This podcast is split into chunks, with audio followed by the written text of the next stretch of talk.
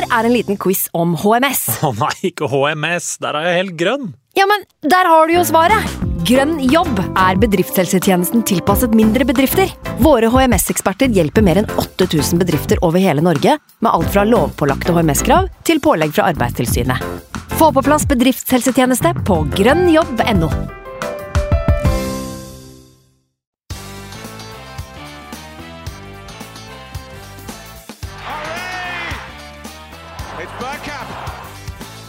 for grabs! The next station is Arsenal. Hei og velkommen skal du være til en splitter ny episode med Arsenal Station med Magnus Johansen og meg, Simen Goffeng. Skrekk og gru var det nok mange av oss som tenkte da vi for noen uker siden så hva oktober hadde å by på. Men samtidig som eh, godteritiggende unger i sedvanlige kostymer ødelegger ringeklokker over det ganske land, kan vi vel nå konkludere med at det er Arsenal som har hatt den beste utkledningen i år. For eh, ser vi ikke farlig like ut som tittelutfordrere, Magnus? Ja, det var der da. Nå er akkurat uh, ferdig med en periode hvor vi snakka om at uh, hva om topp fire klipper, og så er det én hjemmeseier mot 20.-plassen, og så begynner vi å snakke om ligatittelen. Så det, det er der vi skal være som sport. Yes, yes. Beste eller verste kostyme, vi kan jo diskutere det, da, for så vidt. Men uh, litt sånn fornya håp og tro etter den oppskriftsmessige seieren mot uh, Forest. Uh, det må vi jo kunne si at det er. Ja, men det var jo Hadde jo overbevist seg sjøl om at det her kommer til å bli kjempehårete før kampen. Eh, så kan vi kanskje snakke litt på den om hvorfor vi tenkte det. Eh, Mm. Men det ble jo en så behagelig søndagskveld som man kunne ha håpet på. Og for en som har lettere fylleangst i dag og litt kaldsvetting, litt skjelving, så trengte at det ikke ble en sånn kamp hvor det, sånn som vi hadde mot Leeds eller Southampton.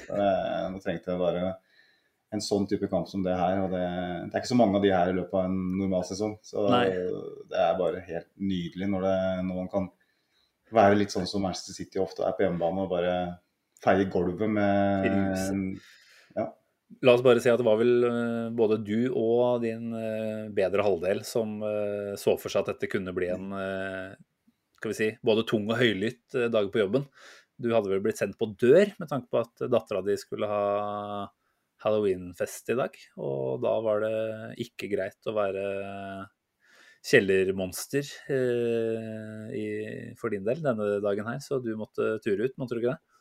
Det er jo sjuåringer det her, seks-sjuåringer, så det, det kommer sånne vilkårlige brøl og drønn fra kjelleren. Så kanskje litt i overkant av hva de tåler. eh, Selv sånn på halloween.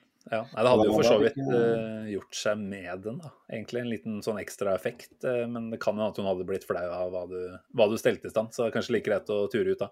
Lita bygd vi bor i, så det hadde jo blitt folkesnakk, det selvfølgelig. Så da fikk jeg såkalt uh, Reece-pass. Så da dro jeg til Håkis. Oh. Altså, er det sånn at vi bare skal kjøre masse ordspill på Reece Nelson i dag, eller? Ja, vi har vel allerede, allerede begynt en slags konkurranse, har vi ikke det? Det hender jo at vi en veldig sjelden gang prøver å finne ut hva den poden her skal hete før vi begynner å spille inn. Mhm. Stort sett er det noe vi aldri har peiling på før vi har rappa sammen og, og skrudd av mikrofonen. Men i dag så kom du med et eh, ganske ålreit eh, tips, vil jeg si. Eh, det var vel Var det på 3-0 eller noe sånt? eh, midtveis i andre omgang der. Eller tidlig var det vel fortsatt. At du sendte Ryk og Reece Nottingham. Det Og- stemmer. Du fikk uh, full approvement herfra, så jeg syns den, den satt som et skudd. Så kommer du en med, med en i retur òg, så det blir jo litt spennende å se hva, hva vi ender på. Ja, skal vi, skal vi? Det husker jeg ikke. Nei, så det satt seg jo ikke Det brant seg ikke fast, med andre ord. Eh, hva var det jeg skrev igjen? Jo, grunnen til at jeg skrev det jeg skrev, og det kan vi ta med en gang, det var jo at Arteta før eh, matchen her, eller var det etter PSV, var det, eh, var ute og liksom snakka om at nå, nå må gutta, eller nå må laget, eh, finne reset-button. Nå må liksom starte litt på nytt igjen. Eh, og da er det åpenbart eh, hvor vi vil hen med det ordspillet her. Den er jo sterk. Er Vi kan jo definitivt si at vi hitta reset-button i dag. Jeg er glad i ordspill i den podkasten her. og det, når, når han satte inn det andre målet, så reiste jeg meg opp hos han kompisen så skrek jeg 'Helge Reis'. For at jeg er glad i sånne gode, gamle norske kulturikoner. ikke sant? Og da tenkte jeg på den eh, avdøde legenden Helge Reis. Han hadde skrevet jo navnet sitt på to s-er eh, til slutt på, på Reis. Eh, Så helgereis er jo fint òg, men vi spiller jo stort sett bare i helgene, så da blir det blir litt sånn utvanna. Men akkurat som Jesus, så, så har Reis eh, potensialet til hver eneste uke å, ha en ny versjon. Da. Uh, så får vi se om han kan fortsette det sporet her. Mm. Ny, ut på en ny Det skal vi release. litt til, for å si det sånn. Eh, Ja. Men, eh, men vi, vi kan jo Vi skal hylle han tilbørlig gjennom den praten her. Så skal vi unngå altfor mange flere ordspill. Skal jeg la Berit Reiss-Andersen få være i fred. ikke, ikke begynn, for da, da har vi det gående. Men uh, før vi sier noe mer, så er det vel kanskje også greit å nevne at uh, hvis teknikken sånn sett har funka som den skulle, så er det vel uh, sånn at en observante lytter har registrert at det var et lite segment med reklame før vi to kom i gang her. Og det hadde en enkle forklaring av at vi har fått på plass et samarbeid med moderne media, som gjør at vi enkelt og greit er innafor deres publiseringsplattform. Og der er det noen sekunder med reklame, eh, både i forkant og i etterkant av hver episode. Så vi håper jo at eh, lytterne våre tenker at det er greit nok. Gjør vi ikke det? At eh, det er, er verdt å, å bruke de 20 sekundene for å høre oss to pjatte halvannen time. Ja, det, jo, det handler jo om å rett og slett kommersialisere seg litt grann, da, for å komme litt på banen sånn sett. Og vi får jo ikke noe særlig igjen for å drive med det her eh, opplegget her. Eh, Ikke at forventet at det skal bli så mye heller, men eh, gøy å gi det en mulighet, og gøy å være med på noe som er litt, litt proft. da. Um, og det tenker jeg òg er et bære bud om at det vi holder på med hver søndagskveld, stort sett, eh, er noe som eh, vi tar ganske alvorlig sjøl. Vi ønsker å produsere noe som, som er godt nok til å være med i en, en sånn setting da, som moderne media faktisk er. En tung aktør. Eh, så håper, det er et kvalitetsstempel, håper jeg. Eh, mer enn det er en irritasjon. Eh, Får håpe det. Vi kan vel være ærlige på begge to at det hender jo at man uh, hitter den, uh, apropos knapper man hitter, den 15 sekunder uh, fast forward-knappen på podkast-spilleren sin. Eh, og det er klart, vi skal ikke styre over hva lytterne våre gjør, men eh, altså, jeg vet ikke om det er noe som har noe å si uansett. Men eh, vi håper at det ikke blir et for stort irritasjonsmoment, som du sier. Og så er det jo også verdt å nevne at vi eh, ja, håper jo å forbedre oss når det kommer til flere ting. Én ting er innholdet, der er vi jo der vi er. Kan ikke gjøre så mye med det, si. Men, eh, men det tekniske og sånn tror jo vi at det fortsatt er et lite forbed- forbedringspotensial på. Eh, Vi har jo fått tilbakemeldinger fra flere lyttere som sier at det f.eks. er sånn at denne poden ikke lar seg nødvendigvis spille på like høy guffe i bilen eh, som på øret. da. Og Mm. jeg tenker at med litt som du sier, proffhjelp, så kanskje det går an å få si, løst noen sånne type små utfordringer også. Da. Så vi håper at produktet totalt sett blir et lite hakk bedre etter hvert også, da. Eh, apropos samarbeid, Simen, så har vi jo et til samarbeid òg, som jeg er vel så stolt av. Uh, det er uh, samarbeidet vårt med Arsenal Norway og de frynsegodene vi har nevnt mange ganger. Det er seks supporterblader som dunker ned i postkassa. Du har mulighet til å søke på billetter på hjemmekamper. Selv om det er vanskelig, så er det iallfall en mulighet. Du får eh, 15% på fotballbutikk.no, som jeg har sagt 100 ganger. Skal du ha alle tre draktene med Sariba, så er det eh, veldig Tror den svarte er utsolgt, altså, så det er vanskelig uansett. Men, eh, men det skader jo aldri med de 15 nei. Nei, absolutt. Og det er andre ting man eh, absolutt kan kjøpe der. Eh, og så har du eh, supportertreff både inn- og utland. Eh, håper jo at Arsenal kommer seg til Budapest til våren. Eh, og da blir det helt sikkert et arrangement i Oslo, vil jeg tro. Eh, det er som regel det når det er en sånn type happening. Eh, og det, er et sånt tenkt eksempel på hva man kan være med på. Det, det har jeg vært med på sjøl, og det har du vært med på når vi var i veien i forbindelse med den Baku-matchen. Det vil vi helst ikke snakke om, men selve arrangementet var veldig veldig gøy. Og, og ikke minst det som skjer i England én til to ganger i året. Så 250 fjottpenger, som Andreas sier, eh, det har de fleste råd til. Og man får masse igjen for det. Og man får ikke minst vært med å å vanne det treet som vokser mot himmelen, eh, og forbi Leeds-treet, forhåpentligvis. tror vi er i nærheten der. Men bra, da tror jeg du har toucha innom det viktigste. Eh, så da kan vi komme i gang med det aller viktigste, eh, som jo er å snakke om denne matchen her. Eh, hadde kanskje ikke sett for seg at hjemme mot Forest etter en litt sånn trå periode skulle bli den mest innholdsrike podkasten, men jeg tror vi har nok å gripe fatt i her i dag allikevel, altså. Eh, Mange poenger som det går an å spille på. Eh, vi har fått mye lytterinnspill, som vi ofte gjør. Eh, setter veldig stor pris på det. Bare fortsette å komme med det, selv om Magnus har lagt seg langflat for det som skjedde forrige uke, hvor det ikke, hvor det ikke ble referert til noen av dem. Men vi, er, vi er oppe på hesten igjen i dag. Eh, Så jeg tror vi bare må sette i gang, Magnus. Og ja, vi har vel egentlig kanskje ikke så stor nytte av å snakke altfor mye om den eh, lagoppstillinga. Eh, det var vel som forventa, men kanskje med det lille usikkerhetsmomentet som venstreback-posisjonen etter hvert er, da. Eh, om usikkerhet er riktig ord å bruke, det vet jeg ikke. Eh, vi er eh, allsidige der, kan vi i hvert fall si. Eh, hva syns du om at eh, Tommy fikk eh, fornya tillit? Han tok iallfall vare på den tilliten i dag, syns jeg. Han hadde en veldig god kamp. Men jeg, sånn, før matchen så syns jeg at det var um, fra mitt lekmannsperspektiv irriterende. For jeg har på en måte følt at den taktiske vrien mot Liverpool eh, som funka så bra, ikke nødvendigvis skal være med oss eh, veldig lenge i etterkant. Og jeg syns vi led Vi har lidd litt av det de siste par matchene, syns jeg da, eh, personlig. Jeg skulle ønska meg en mer offensiv type der, som gir Martinelli litt mer eh, støtte og plass eh, offensivt. Men igjen da, så viser det seg at han med det glatte legohåret har litt mer peiling enn meg. Så den, i dag syns jeg Tommy også hadde en god kamp. Og dermed så velger jeg å ikke være for kritisk. Rett og slett. Sikkert, sikkert fornuftig.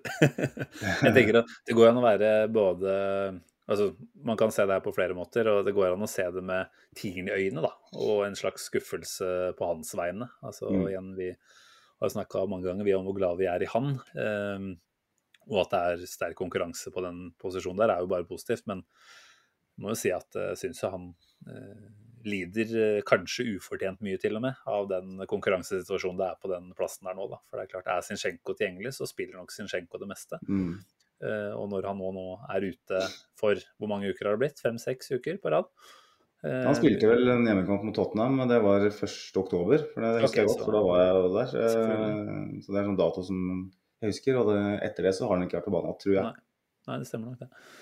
Eh, nei da, men eh, greit nok. Uh, Lagoppstillinga ble som den ble. Uh, det jeg kanskje tenkte mest på her, var at Tot nei, Tottenham. Eh, Forest kom inn i den kampen her med sannsynligvis ganske lave skuldre. Har jo da slått Liverpool i det siste de gjorde før den her. Eh, en uke da, åpenbart til å forberede seg inn, mens vi har en bortekamp mot PSV eh, i beina på noen av de, eller kanskje flere av spillerne enn vi hadde likt å se. Eh, dårlig resultat og prestasjon.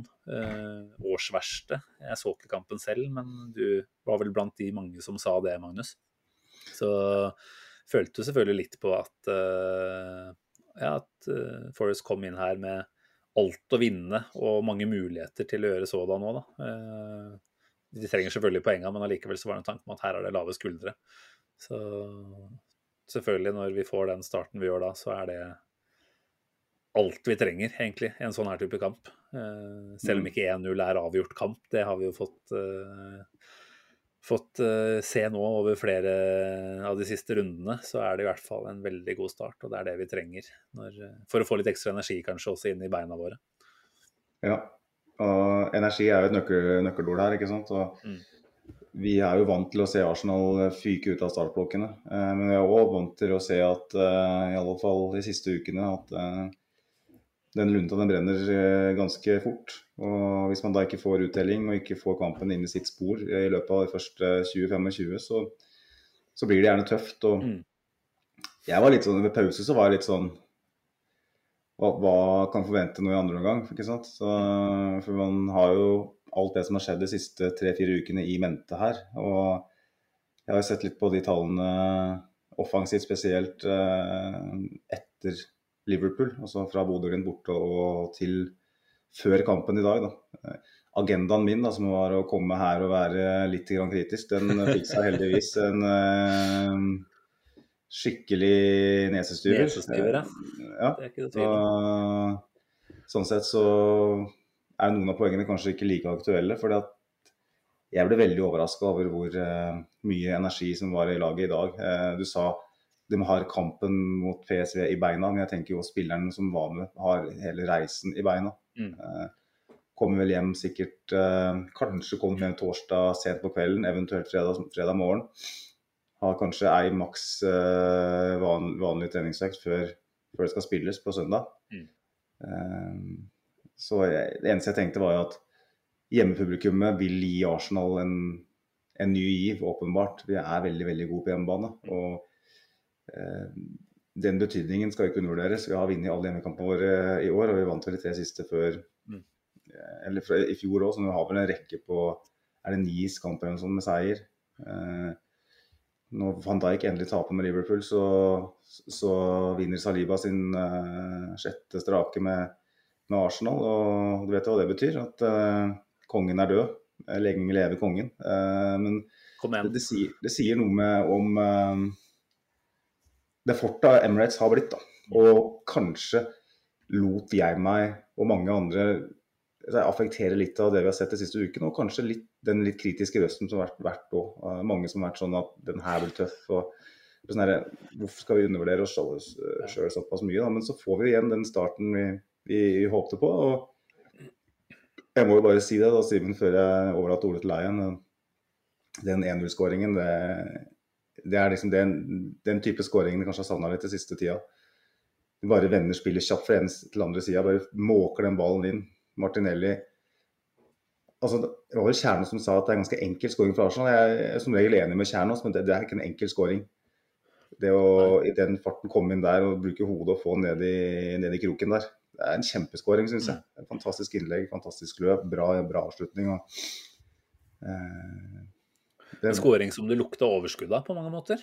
Eh, altså Du fikk en på en måte selvfølgelig så tidlig i kampen at energien kunne ikke begynne å droppe allerede der. Men altså, det var noe med trøkket i den eh, tversoveren fra Martinelli. ikke sant? Den var rask nok da, til at man fikk vridd spillet fort nok. og Så er det jo egentlig bare teknikk og presisjon og vilje, eh, det som skjer etter. og og der er vi heldigvis eh, blant de aller, aller beste. Så jeg syns jo Kjernås eh, stort sett, som du sier, kommer med veldig mye bra. Ja. Og jeg tror ikke han egentlig snakka ned det målet her egentlig noe særlig grad heller. Så Nei, det var, ikke, det var ikke sånn ment. Han sa vel at det var en ganske enkel scoring for Arsenal basert på forsvarsspillet til Nottingham Forest, kanskje. Men, det er vel, hvis man er jævla god, da, så ser alt enkelt ut. Mm. Men, men det, kanskje, kanskje, var, kanskje var han andre. Jeg husker ja. ikke, det bare var en kommentar. Jeg mener det var Kjernås. Ja. Før vi går tilbake igjen til Vi har mye å prate om sånn av innholdet i kampen. Men bare det du snakka om litt her i forhold til hva vi har sett nå. Det har jo vært en, en lang periode, egentlig. Lang, to uker, hvor vi har droppa litt, da. Og jeg syns det var interessant å høre Arteta etter PSV-kampen, som vel snakka om at nå hadde vi liksom endelig nådd slutten på det som var en lang, vanskelig rekke. Eh, hvis jeg husker rett, så sa han det i hvert fall. Og jeg tenkte jo umiddelbart ja, men vi har jo en Forest-kamp like etterpå her. Men eh, vi har vært ute på farta nå hele tiden, føles det ut som. Mange bortekamper, og alle de bortekampene har stort sett vært eh, enten langt vekk eller i hvert fall utenfor London. Men nå er vi liksom plutselig en, uh, i en fase da, hvor vi spiller hjemme i dag. Vi spiller hjemme hos Zürich på torsdag. Vi spiller hjemme i London, borte for så vidt, mot Chelsea på søndagen. Så spiller vi jo da hjemme mot Brighton i ligacupen før vi har en bortekamp igjen. Så jeg lurer på om måte internt i klubben var en slags sånn tilnærming til den eh, rekka med kamper, om at dette må vi egentlig bare innstille oss på at blir helvetes tøft og slitsomt. Mm. Eh, vi vet at vi er short, vi skal ut på mange reiser. Eh, bare kom igjen, liksom klar å overleve, da. Uh, som jeg syns at en del av de kampene har båret preg av, egentlig. Man har liksom prøvd å bare gjøre det absolutte minimum for å hente det man trenger. og det er klart, vi kan sikkert snakke om om det er en igjen, nå blir det jo ekstremt spekulativt fra min side her. Jeg har ikke sikkert det har noe med det å gjøre.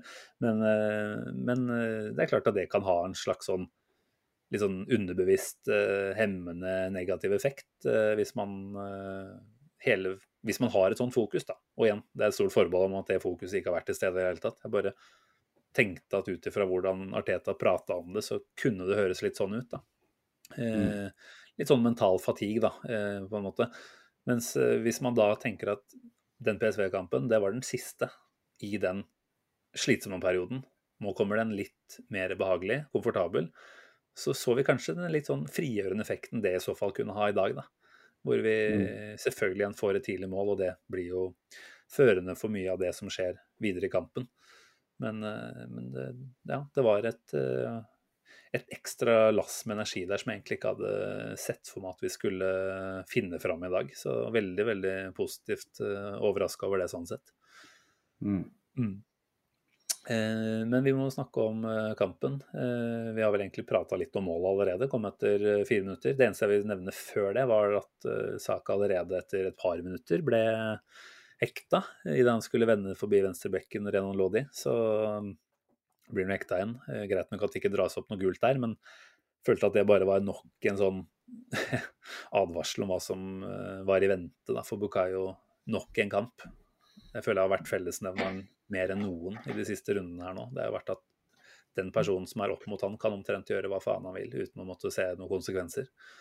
Mm. Uh, det, han får jo ytterligere Det blir kanskje det som blir første omgang store skal vi si, snakkes da, ved siden av, av uh, skåringen. Det er jo at uh, Saka etter hvert må ut. Og da har han jo, før det skjer, uh, blitt sparka ytterligere en gang på baksida av leggen av samme mann.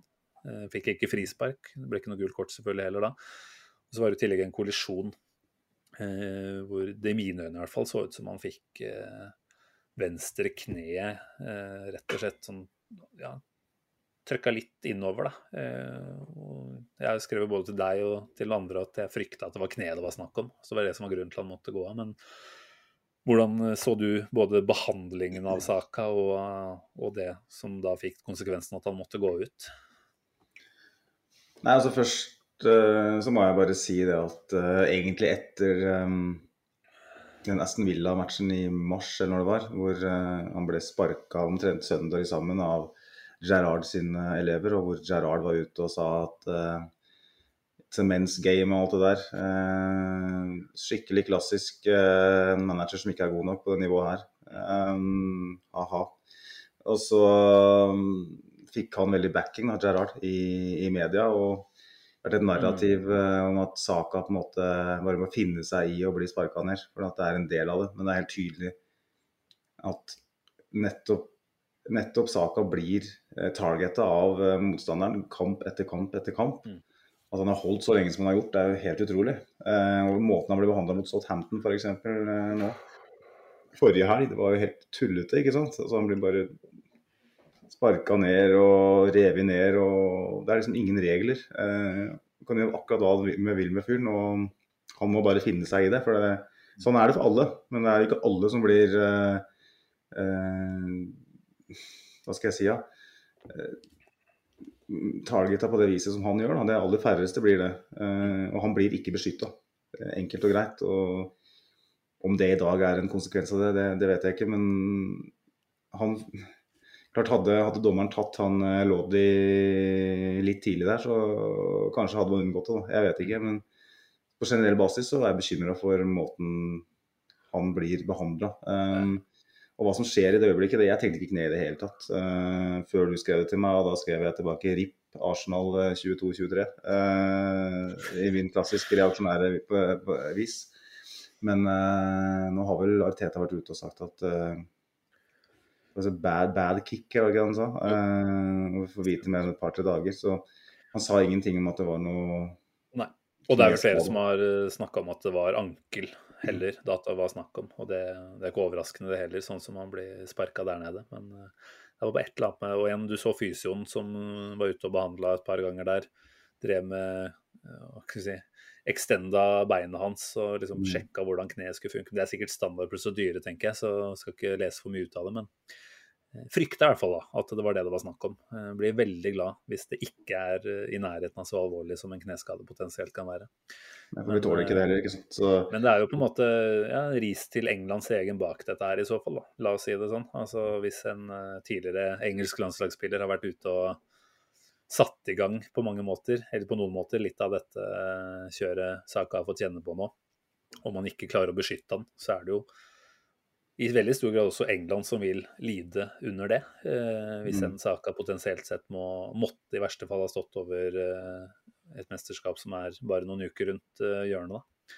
Eh, Syns jo egentlig at England fortjener akkurat det. Eh, Southgate fortjener ikke en dritt, og England-supportere har jeg ikke så ja, veldig mye til overs for uansett. Så jeg tenker at det hadde vært greit tror Saka hadde blitt skuffa, da. Så jeg håper jo for hans del at han er tilbake så fort som mulig og helst spiller mot Chelsea allerede neste søndag. Så fint at vi kunne gi litt Reece eh, tilbake på baken til alle som trodde at vi var avhengig av Saka. Eh, det er jo han som kommer inn eh, da, overraska meg veldig. Jeg tenkte først Vieira, og så tenkte jeg hvis ikke han kommer inn, så er det vel Nketia. Mm. Eh, hva tenkte du når eh, du så nummer 24 kle av seg der? Ja, eh, jeg tenkte Vieira før jeg så noen ting, akkurat som deg. Så skrev jeg Jeg har en sånn liten notatblokk på telefonen som jeg noterer litt i underveis. Hvis man har tid til det. Og skrev da at jeg er veldig fornøyd med Nelson inn når saka nå må ut. Mm. Uh, og så er det jo selvfølgelig sånn som det har blitt. Veldig lett å si det i etterkant, men uh, det sa jeg da faktisk i det øyeblikket jeg så den på linja. Jeg tenkte at kanskje det er den mest like for like-spilleren vi har. Altså Selvfølgelig så har du Markinios, men jeg tror ikke vi skal forvente at han kommer inn der og nødvendigvis plukker opp Saka-tråden. Det gjorde for så vidt ikke Nelson heller, men han håndterer jo den kantrollen på en veldig god måte, og på en helt annen måte enn det Viera og Enkete har vel gjort. Så jeg var ikke sånn superoverraska, men positivt overraska allikevel. Eh, jeg syns det er kult at uh, han får sjansen. Arteta har jo snakka han opp uh, ved flere anledninger og sagt at han har liksom forandra seg og virker som en mer seriøs spiller nå enn han kanskje har vært tidligere. Da. Det er lett å la den litt tidlige suksessen gå til hodet på seg, selvfølgelig. Så har vel både du og jeg egentlig tenkt at Nelsons dager er talte. Eh, men så er det jo tilfeldighetene som avgjør, da. Eh, og nå fikk man en skade, og man fikk et innhopp som han definitivt tok vare på. Og så skal vi jo selvfølgelig komme inn og måle etter hvert, men når man ser at han kysser logoen, som selvfølgelig ikke trenger å bety så mye, men betyr litt ekstra når det er en eh, Arsenal-gutt som gjør det, så tenker jeg at Reece Nelsons dager definitivt ikke er talte. Jeg tror vi hadde fått noen spørsmål om det òg, kanskje. Så sier vi lovte at vi skulle ta med det, kanskje vi skulle prøve å finne plass til de med en gang. Eh, har du oversikt? Eh, jeg ser Fredrik, eh, Fredrik Heierstad ser jeg hvert fall på Twitter, har stilt spørsmålet. da. Eh, tror dere Reece Nelson er med i Arteta sine planer på lang sikt? Eh, så kan vi selvfølgelig ta mer spørsmål litt utover, men ta det akkurat nå, da. Eh, ref hans to tidlige skåringer i andre omgang. Mm. Tror du han er med videre? Eh, altså Én ting er januar, men tror du han er med etter neste sesong? Til neste sesong? Vanskelig å svare ja eller nei på det, men eh, Og det her er én kamp. Eh, han har ikke fått veldig mye spilletid. Han, har, han starta vel mot Bodø-Glimt uh, borte, gjorde han ikke det? Uh, det er vel ens, er det eneste starten hans, eller har, har han en til? Han har jo Nei, jeg tror det stemmer, ja. Det er den eneste. Så var han jo skada i starten av sesongen, selvfølgelig. Så da gikk han jo glipp av en del potensiell matching der. Eh, og det tar jo litt tid å komme opp til scratch. Han har jo ikke vært i Arsenal eh, sesongen som gikk heller. Eh, sånn at det å bli kjent med lagkamerater igjen, og nye lagkamerater Det er ikke bare bare det. og um, Vi kjenner jo talentet til Reece Nelson. Og jeg tenker jo tilbake til Stamford Bridge i april, når Nketia plutselig skårer to mål mot Chelsea. Så tenker du jøss, eh, hva kan det her bety? Um, og så fortsetter han bare å prestere ut til denne sesongen. Skårer, eh, jo to mot Leeds bl.a. Eh, skårer vel en tre-fire matcher der mot slutten. Um, så tenker du at det er ingen grunn til at Reece Nelson ikke kan gjøre det samme. For jeg mener jo at Reece Nelson har et mye større potensial enn Eddie Nketia som fotballspiller. Eh, men av en eller annen grunn så har han ikke fått det ut. da. Eh, om han ikke har vært seriøs nok, det, det, altså det har jeg lest og hørt òg, at han kanskje mangler litt på akkurat den biten der. Um, um, nå brenner det jo et blått lys på fyren. Nå må han jo, Mm. hvis han skal ha en karriere i Arsenal, så må han ta vare på den muligheten her, faktisk. Um, Sisaka er ute mot Chelsea nå, da, og mot uh, Wolverhampton. Det er ganske Ikke tenk på det, men det er greit hvis du sier det. Ja, men tenk om Reece Nelson Ja, griper ja, ja. den muligheten. Og så Ja, er vi litt i en samme, samme situasjon, og det er ingenting som gleder meg mer. Kan- Kanskje slipper vi å hente eh, altså det, det, jeg, det er vanskelig å tenke. Jeg vil ikke at Arsenal skal eh, ta en sjanse på det, men kanskje er det ikke så prekært det behovet for en ny kantspiller. Eh, kanskje kan Reece Nelson- ta, ta det opp. Og så må vi huske på at det er 20.-plassen i ligaen vi spiller mot her, på hjemmebane. Eh, og en svale gjør ingen sommer. Vi er, jeg er helt avhengig av at han kan gjenskape det.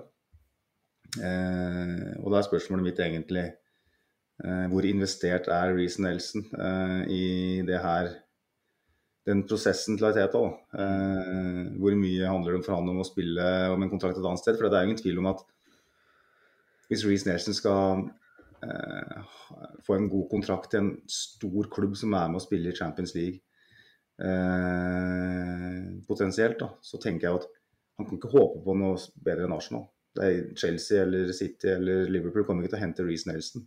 Um, og kanskje må han ta steget ned i championship. Kanskje Mm. må han eh, til Nederland igjen, eller noe i den duren. Topp fem-ligaer høres kanskje ikke veldig sannsynlig ut, eh, sånn som står her akkurat nå. Eh, han kysser logoen, som du sier. Eh, har han på en måte kommet til et punkt når man virkelig forstår at nå spiller jeg for framtida mi her. Eh, Mm. Ikke bare som Arsenal-spiller, men som spiller på det aller høyeste nivået. Um, Mm. Og hvis han klarer å da kanalisere den energien, eh, så vet vi at han har et helt enormt talent. Så det hadde vært utrolig fett hvis han hadde, hadde fått det til. Ja, husker liksom tilbake til var det preseason når vi var nede i Singapore eller noe sånt? At han var med sånn ordentlig for første gang. Det kan ha vært før eh, 17-18 Nei, det kan de 16-17 kanskje. Samme det. Eh, og liksom Han så ekstremt spennende ut. Eh, Jungberg snakka jo om det i studio i dag også. At eh, Og det er jo kanskje en Jeg vet ikke helt med enig. Jeg vet ikke om altså, man, hva man har snakka om internt i, i Arsenal, men at Nelson var et større talent på sin alder enn det Saka var. Jeg har jo bare hørt at Saka har blitt haussa opp som det største talentet i Arsenal på år og dag, så jeg vet ikke helt hvor riktig det er. Men det er klart, Jungberg har vært i klubben hans, så han vet jo selvfølgelig hva han snakker om. Eh, Det Mm. sier litt om nivået på, på den gutten her, da. Og hvis han kan få hodet sitt på rett kjøl igjen, hvis det er det som er utfordringen, så, så har jeg veldig troa på at uh, vi har en Arsenal-spiller i flere år framover her. Jeg bare googla meg fram til uh, litt sånn kontraktsinfo og sånt. Jeg ser jo at det er jo faktisk ikke en uh, per nå Det er ikke en sånn eh, enårs forlengelsesmulighet eller noe sånt, så han må jo faktisk ordentlig få seg en ny kontrakt eh, den sommeren her. Eh, ser at Arteta ble spurt om det for noen uker tilbake, og svarte jo da at det er 100 eh, at han har en mulighet for å spille seg til en uh, ny kontrakt. Det er derfor han er her, fordi vi ønsker at han skal ha den muligheten. Han var eh, villig til å ta den, eh, og så er det opp til han å vise det på banen. Han, eh, Arteta altså skryter jo veldig av eh, hvordan han har framstått på treningsfeltet, men at det også er noe med å få det ut i kamp. Da. Og Det har han jo ikke fått mange muligheter til, men når han nå fikk den, så kan man jo ikke svare på noe bedre måte enn dette her. Eh, selvfølgelig, som du sier, det er én kamp, og det er altfor tidlig. Eller i hvert fall litt for tidlig. Men eh, det er klart, skulle han backe opp det med et par ålreite matcher til nå før VM-pausen, så er det jo ikke helt umulig at vi ser noe begynne å bevege på seg allerede der, sånn at han ikke kan plukkes opp av en utenlandsklubb i januar for en slik og ingenting. Ja, altså når eh, eh, La meg si det på den måten her, da. Hvis eh, Nketia kan gjøre det han gjorde, og hvis Miguel Almiron kan se ut som peak Recoba og det å køle baller inn fra alle retninger opp i, opp i kroken, så er det absolutt ingen eh, grunn til at Reece Nelson eh, skal avskrives. Og vi skal aldri avskrive fotballspillere på det nivået her. Jeg har sagt Nei. det mange ganger. Men det er sånn Vær litt på vakt her. Kanskje har vi en ny sånn eh, historie om en spiller som virkelig slår tilbake her. Det hadde vært utrolig kult. Så det, har vært, eh, det her har vekka meg til en enda mer positiv tilværelse, rett og slett. Det at vi kan se på benken vår og ikke bare tenke at Nei, han der, han holder ikke, liksom. Mm. Eh, Han bare er med for å fylle, fylle treverket. å si. Det må være en bakende som fyller den plassen nå, ikke sant. Og, Altså, det er jo så enkelt som. Han hadde ikke kommet på Uh, altså Vi nevnte både Vieira, Enketia, også kanskje til og med Marquinhos, som tross alt har spilt flere Europaliga-minutter enn Reece Nelson i år, vil jeg tro. Uh, det er ikke sikkert det stemmer, så et lite forbehold der. Men da kommer han jo inn foran alle de, og det sier jo igjen alt om den innsatsen han har lagt ned da, eh, i Mm. Artetas øyne. Eh, Så det er ikke tilfeldig at han får muligheten her. Det er noe han har gjort seg fortjent til. Og når han da i tillegg bygger videre på det med den prestasjonen han har, så, så kan det at han har runda et hjørne, rett og slett. Vi håper det.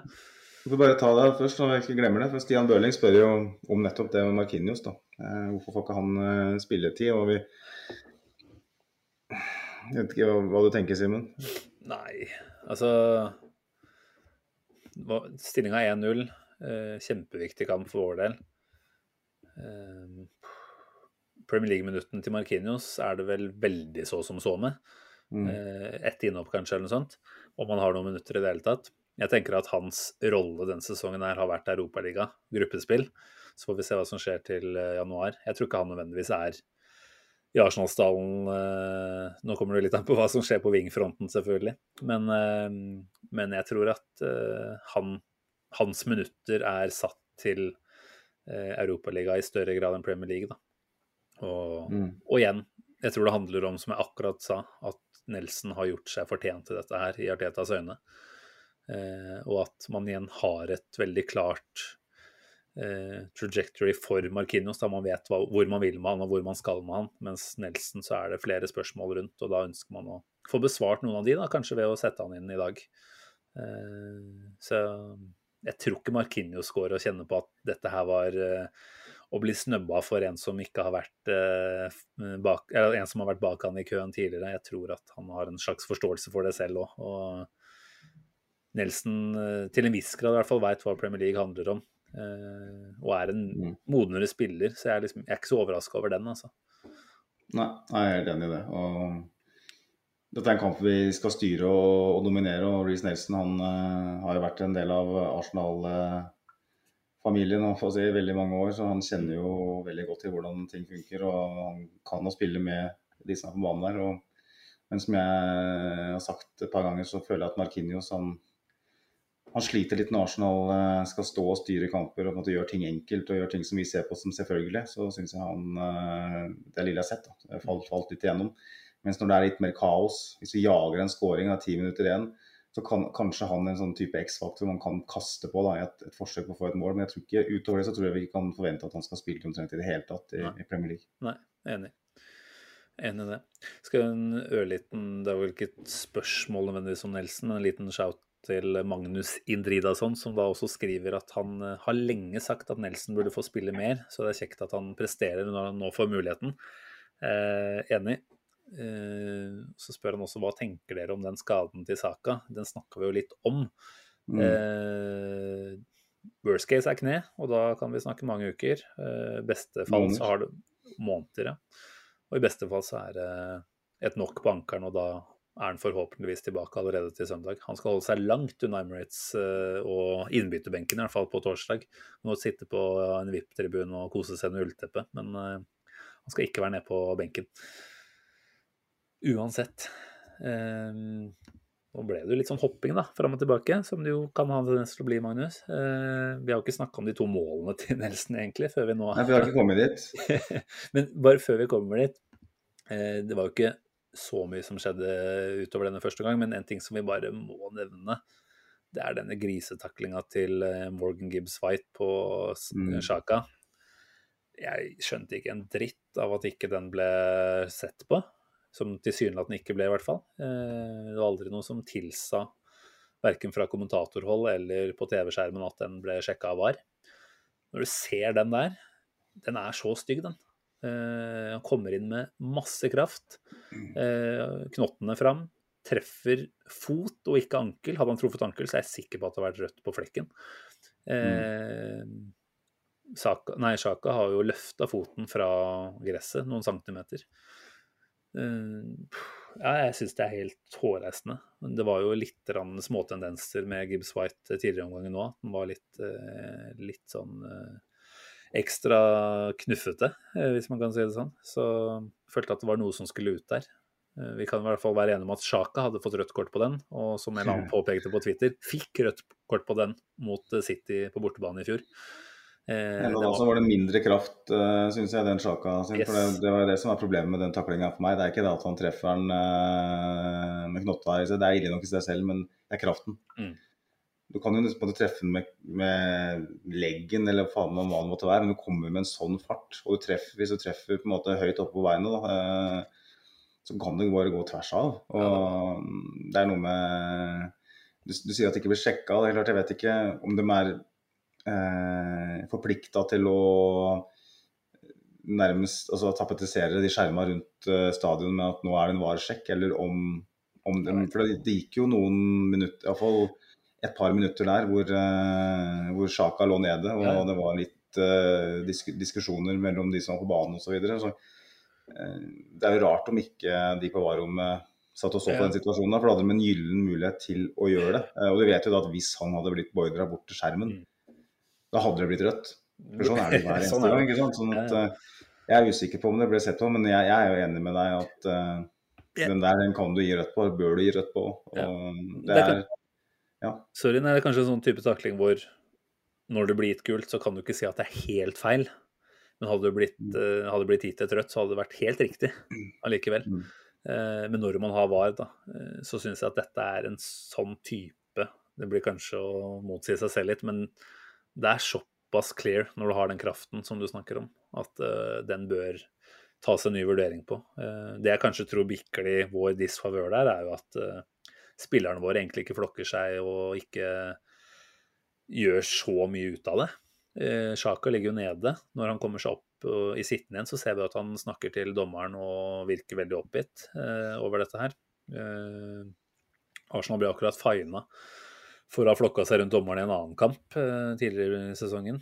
Mm. mulig at det er noe sånt som ligger eh, i bakhodet på det, men jeg syns jo at her skulle man lagt litt mer press på dommerne, rett og slett. Og sånn sett tvunget fram en sjekk da, som de som definitivt hadde tid til når Sjaka lå lenge nede.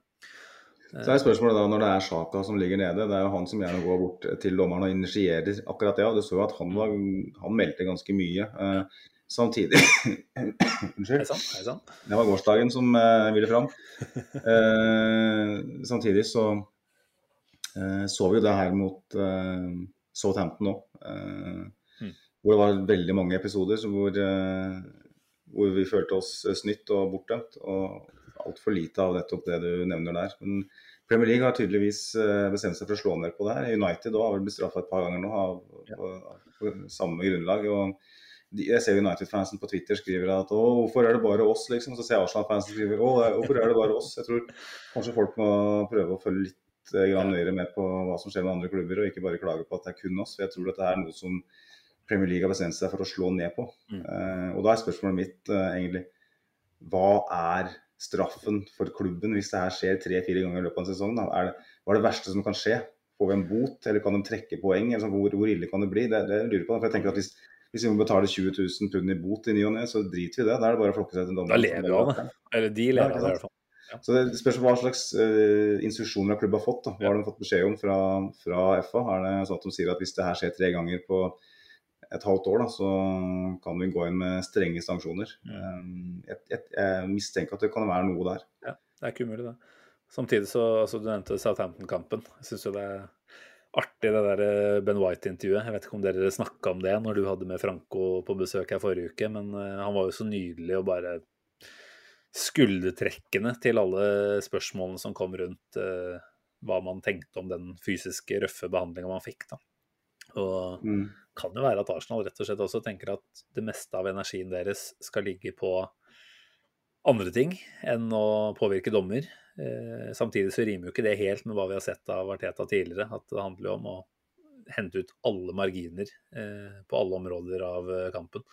Så nei, man kan jo bare gjette seg fram til hva som måtte er grunnen til at man ikke er mer på i den situasjonen i dag, da. Kanskje ikke den framsto så stygg i de, de øynene som var ute på banen der.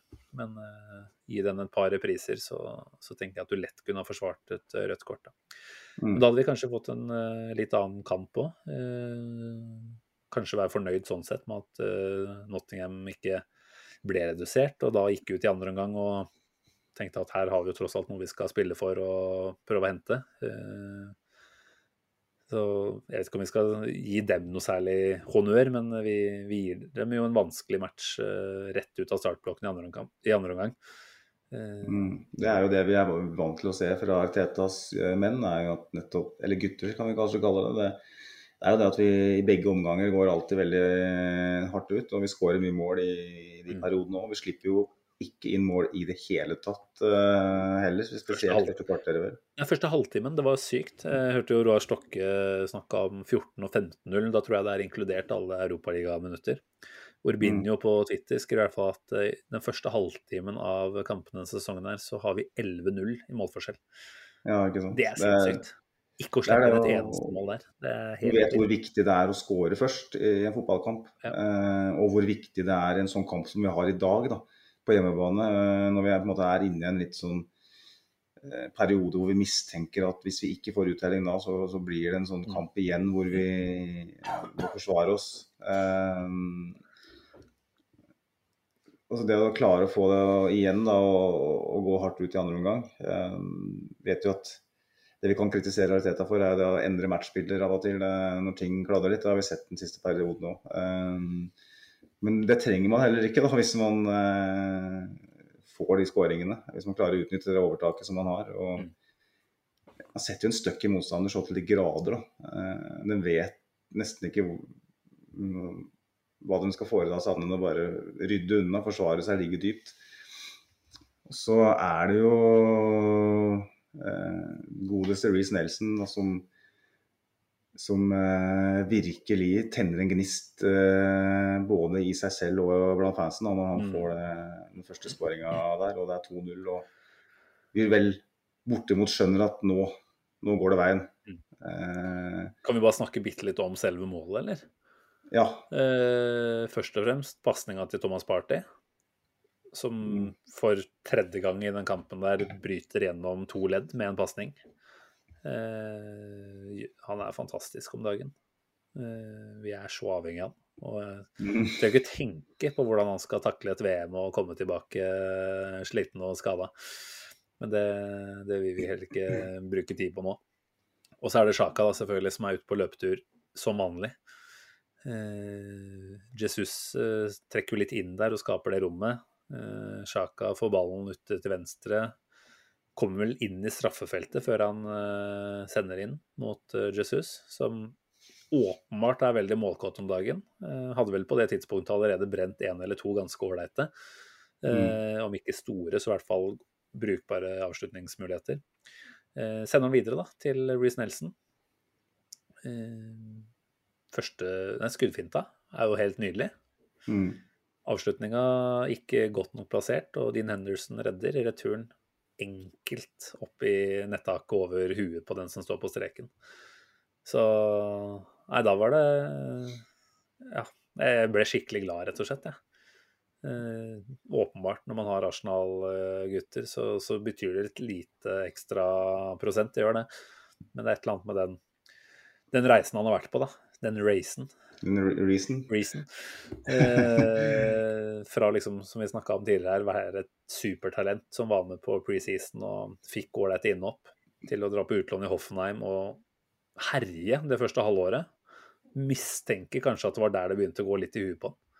Når Jaden Sancho gjorde det samme og fikk en ganske Eller det skal sies at Sancho fortsatte å prestere en stund til før han gikk tilbake til Premier League. Men, eh, men da, liksom etter det, etter det, første halvåret til eh, Nelson der, så dabba det av. Skader, selvfølgelig. Og så har han ikke vært den samme etterpå, virker det som. Men, eh, men nå, nå goller han for Arsenal foran Northbank og kysser emblemet. Da er det deilig. Ja, da kommer du unna med det òg, ikke sant. Når du er Arsenal-gutt. Og da blir det bare, bare fint. Jeg er litt kritisk til den derre logokyssinga til tider. Selv om det er, en merkelig ting å henge seg opp i, egentlig. Eh, så er det jo liksom Man er jo på en måte redd for at eh, at det her er liksom noe man bare gjør for for det fremmøte, liksom. At det egentlig ikke betyr noe. Men uh, med den fortida så åpenbart betyr det noe. Uh, og det faktum at han gjør det nå når han uh, for så vidt kommer med sitt første betydelige bidrag for Arsenal på lang, lang, lang tid. Kanskje hvor mange betydelige bidrag har han egentlig? Om det er, det er nesten ingen ikke sant, fra før heller. Han skåra vel mot Liverpool i lockdown. Sant, ja. men men eh, jeg vet ikke om han har skåra noen flere i Premier League enn det. Det er jeg ikke sikker på. Eh, jeg kan ikke huske at han har skåra i Premier League utover det. Eh, sånn at eh, Det er liksom sånn Jeg er tilbake der jeg vil være. Det er en veldig sånn symboltung ting å gjøre. Og så tenker OK, det er ei scoring, da.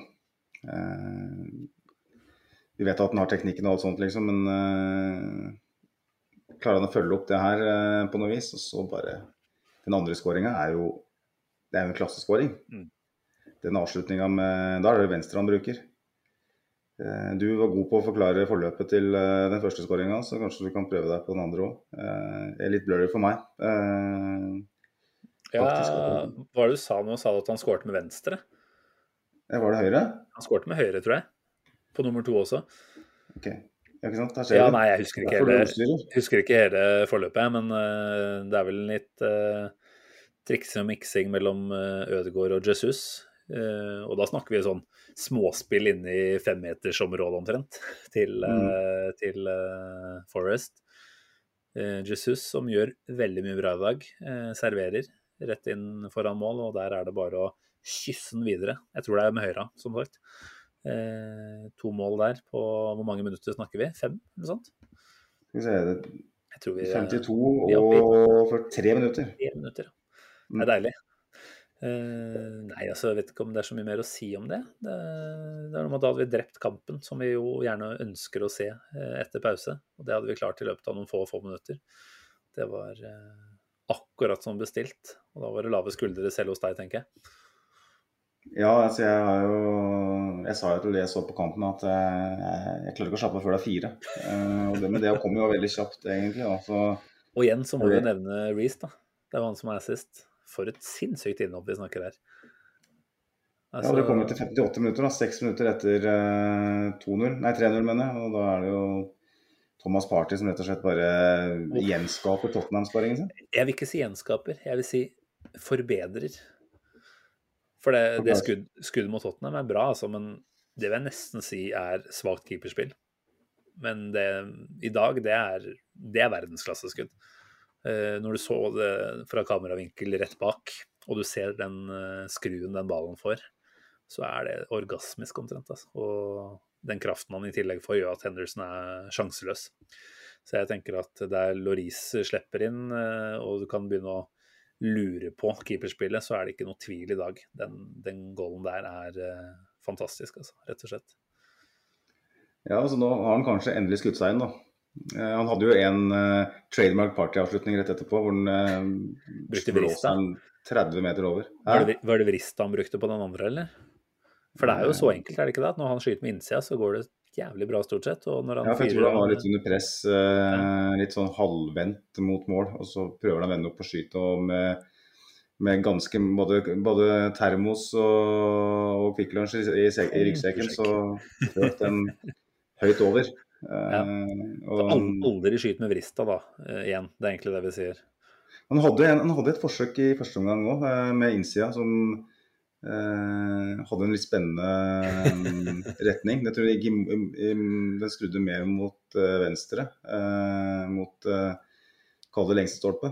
Eh, Nå husker du veldig mye bedre enn meg, så det her er Men detaljer. det var en sånn, Jeg husker jeg sa til han jeg så på kampen at æh, hvorfor skyter du der, liksom? Mm. Ikke, nå må vi være litt tålmodige her, for at Nottingham dem, dem er virkelig eh, ligger på slaktebenken nå. Det er bare å ta kniven og sprette opp. Og ikke, ikke kast kniven mot kadaveret. Sett den nedi, og så drar du den opp langs buken. Det gjorde de. Eh, og det var det Arsenal gjorde da med den godeste Reason. Eh, da ble det både, både kjøtt og, og ris til middag. Nå var du veldig god. Eventuelt jævlig dårlig, men jeg syns du er veldig god. men det begynner å tynnes ut i rekkene her nå med ordspill, så jeg tror vi må begrense oss litt. Du får sitte og ruge på et godt et fram mot slutten her. Uh, ja, nei, det var uh, Det var et vilt åpningskvarter andre omgangen. Bare ja. ødela dem, rett og slett. Og det kunne jo vært mer, fordi en Gabriel Jesus fikk jo både én og to feite sjanser. Uh, både i løpet av den perioden og etter, og bør jo skåre. Og det er liksom det eneste ved, ved, siden av saka vi kan på en måte være negative til etter den matchen her, det er jo at Jesus enda ikke har skåra et mål, føles det som. Nå er det lenge siden sist. Ja, det var vel den Tottenham-kampen, det òg. Stemmer. Så nå har jo... Og litt inn opp imellom der. Da snakker vi jo seks kamper da, totalt sett. Ja, Men, vi har fått uh, litt lytterinnspill på den. Jeg tenkte etter etter vi er ferdig med kamppraten, så skal, har jeg sett litt på noen tall uh, som jeg vel nevnte. Okay. Uh, som er interessant både med Jesus, Martinelli og Ødegaard og ja, nå... de offensive spillerne våre. Uh, så, men skal vi ta det lytterinnspillet da? Kan vi ikke gjøre det? Så bare spoler vi kjapt gjennom resten av kampen. Ja. og som sagt, Jesus brenner. Det var et par anledninger hvor det skjedde. Og så var det jo Martin Ødegaard, da, som begynner å føle at han går Superstar. Jeg gleder meg til vi skal til London igjen og synge den.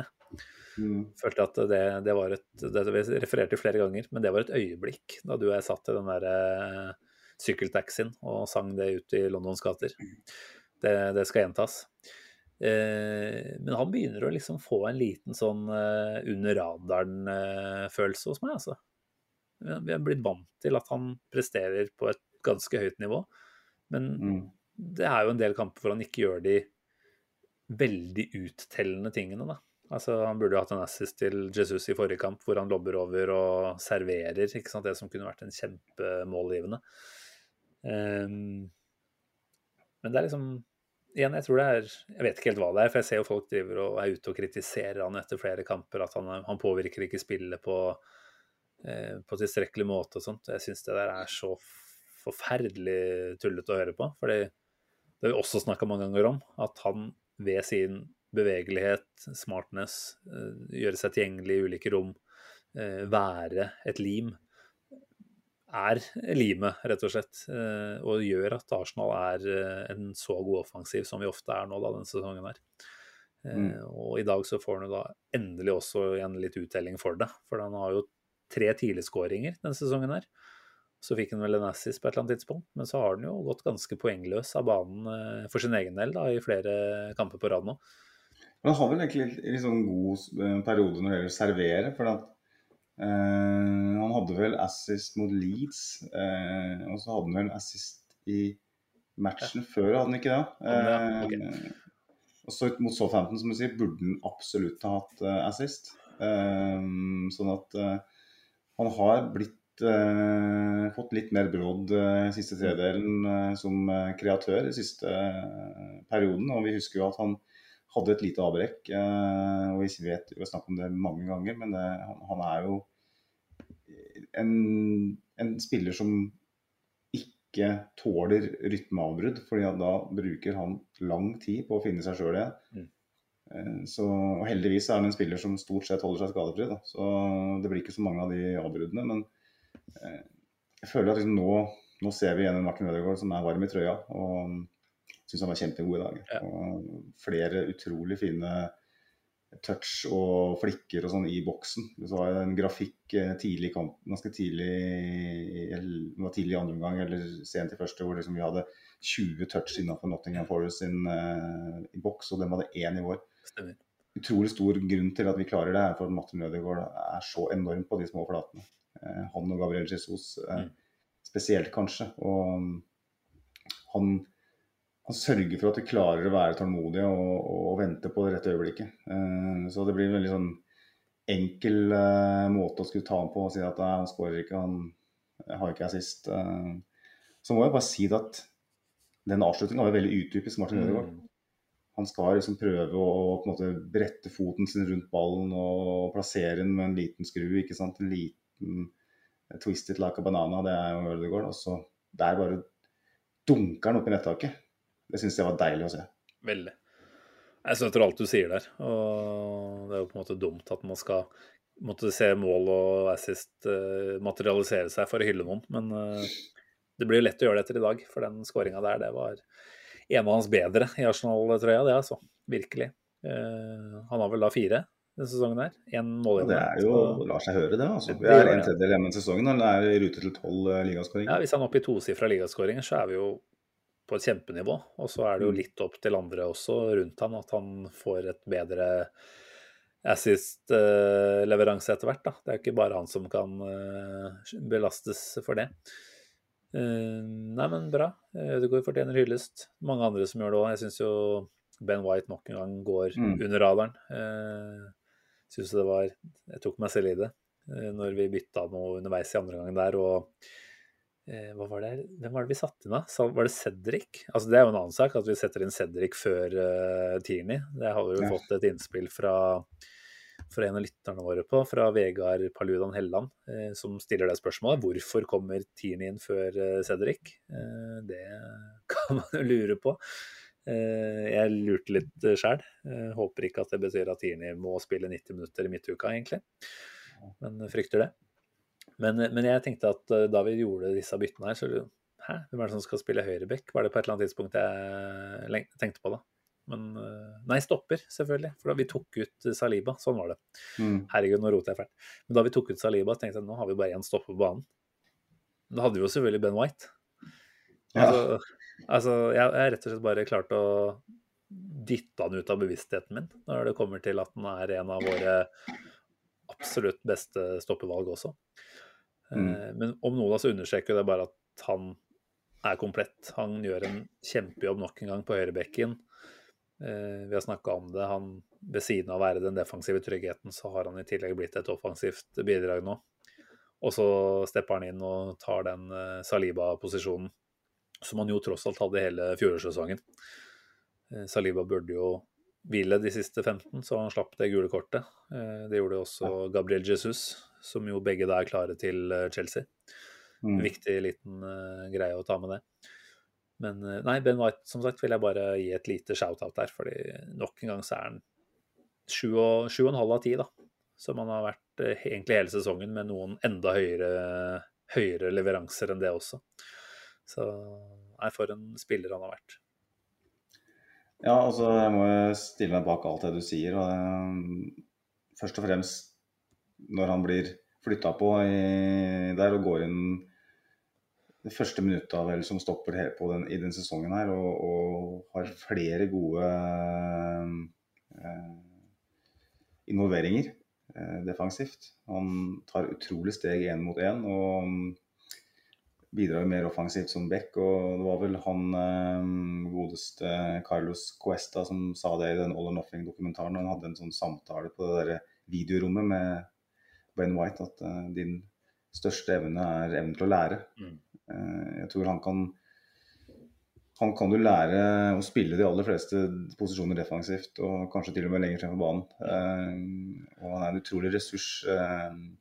Sånn sett så får vi håpe at han blir rendyrka etter hvert i en rolle, sånn at han ikke blir en 50 millioners pund potet. for det tenker jeg, jeg, Dette er en spiller på et sånt kaliber at jeg håper at om han blir høyrebekk eller om han blir stopper, det får vi se på sikt. Han er fortsatt relativt ung. Ja. Um, og man blir bare glad for å se at en spiller som Man kan jo på en måte tenke seg at Ben White sine øyne at at det føles litt urettferdig etter en så god første sesong, og så blir han flytta ut på bekken for å gjøre plass til en Saliba.